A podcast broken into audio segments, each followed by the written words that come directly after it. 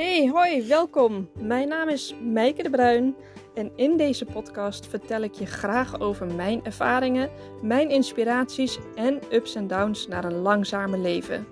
Wil jij ook uit de red race stappen of zelfs wel ontsnappen? Leren hoe je jouw pad kan bewandelen en bewuste keuzes kan maken? Luister dan vooral naar mijn persoonlijke verhalen. Laten we beginnen.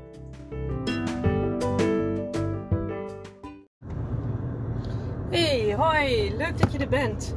Hey, ik zit in de auto en ik neem eigenlijk uh, uh, voor het eerst, nou misschien niet eens voor het eerst, maar ik neem een van de weinige keren een podcast op in de auto.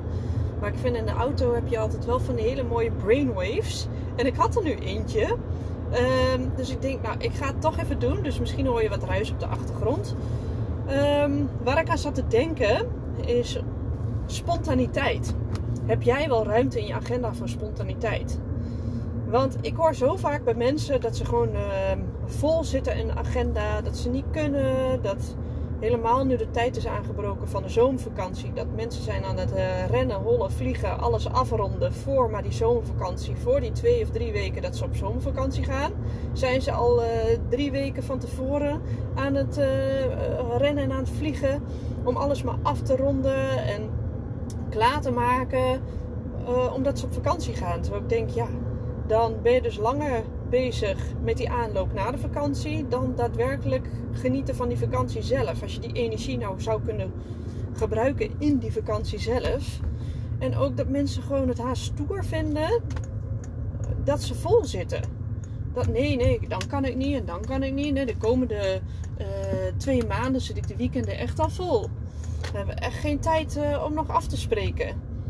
En dan denk ik, dat is toch niet fijn? Dat is toch ook helemaal niet stoer om je agenda zo vol te hebben staan?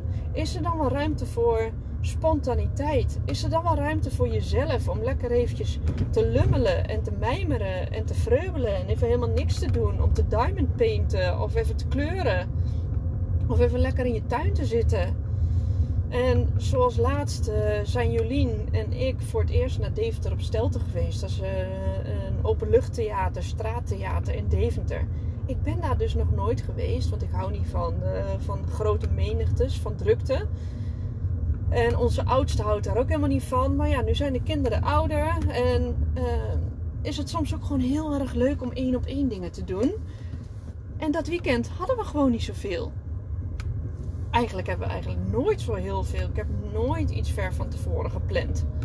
En dat vind ik zo lekker, waardoor er echt ruimte is voor die spontane dingen. Dat ik gewoon s'avonds om tien over half negen toch op de verjaardag van Diederik. Diederik kreeg allemaal boys over de vloer. Ik zeg tegen Jolien, heb jij nog zin om lekker de stad met mij in te gaan? Lekker naar Deventer op Stelten? Nou, zo gezegd, zo gedaan. Elske ging ook nog mee.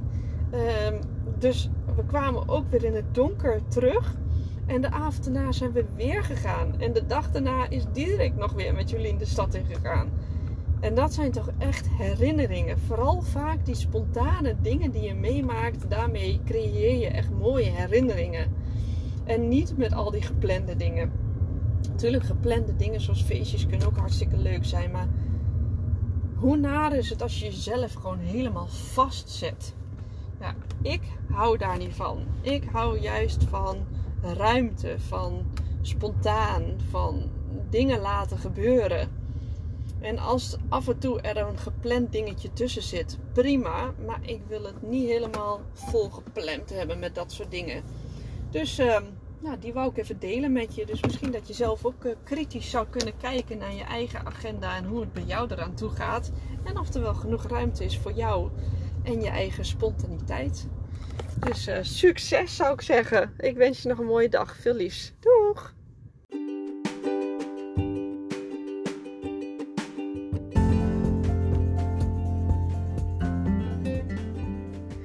Dankjewel voor het luisteren. Neem ook vooral even een kijkje op mijn website leeflangzamer.nl. Daar kan je in de shop onder andere de drie-stapsmethode vinden om achter jouw passie te komen. En ook het geluksjournal staat hier. Die is zo waardevol omdat het jouw kompas wordt in je leven. En je vindt hier ook mijn programma Van Gedoe naar Geluk.